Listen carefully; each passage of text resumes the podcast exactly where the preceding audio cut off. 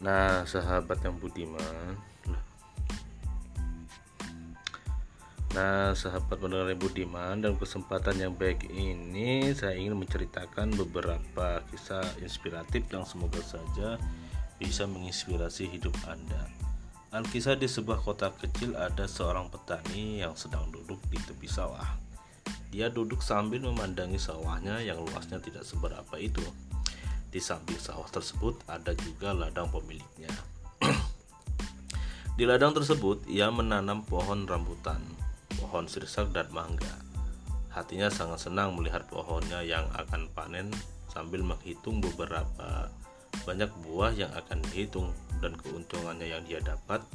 Tiba-tiba ia melihat seekor tupai meloncat dari pohon satu ke pohon lainnya. Lalu muncullah kesedihan dalam hatinya bahwa tupai akan merusak panennya tahun ini. Ternyata wajah petani tersebut menggoreskan rasa haru pada semut hitam. Raja semut hitam yang melihatnya segera mengumpulkan pasukannya untuk mengusir tupai tersebut. Jadi, semut hitam berbaris dari akar pohon yang paling bawah sampai batang pohon yang paling tinggi.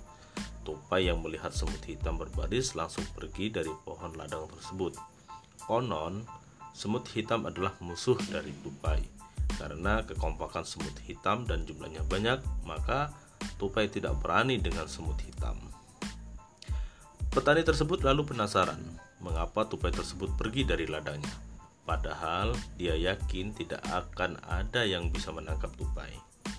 Tupai adalah binatang yang sangat pandai dalam meloncat karena kepandainya itulah banyak petani yang menjadi rugi karena buah panennya banyak dirusak oleh tupai. Lalu petani tersebut lalu petani tersebut mendekati pohon tersebut dan melihat semut yang berbaris di pohonnya. Petani tersebut sangat bersyukur karena semut hitam telah berhasil berhasil mengusir hama tupai dari ladangnya.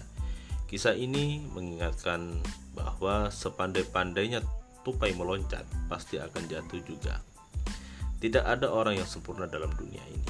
Sepandai apa pun Anda, tentunya Anda pasti memiliki kekurangan. Contohnya saja, tupai yang pandai meloncat tetap memiliki kekurangan. Kekurangannya yaitu takut pada semut hitam. Tuhan sudah memberikan talenta kepada Anda. Gunakanlah sebaik-baiknya dalam hal positif. Ketika satu orang diberikan talenta dalam bermain musik, bukan berarti orang tersebut juga pandai dalam bidang lain. Maka dari itu, bersyukurlah apa talenta yang Tuhan berikan kepada Anda. Tetaplah rendah hati meskipun orang lain tidak sepandai Anda. Wassalam.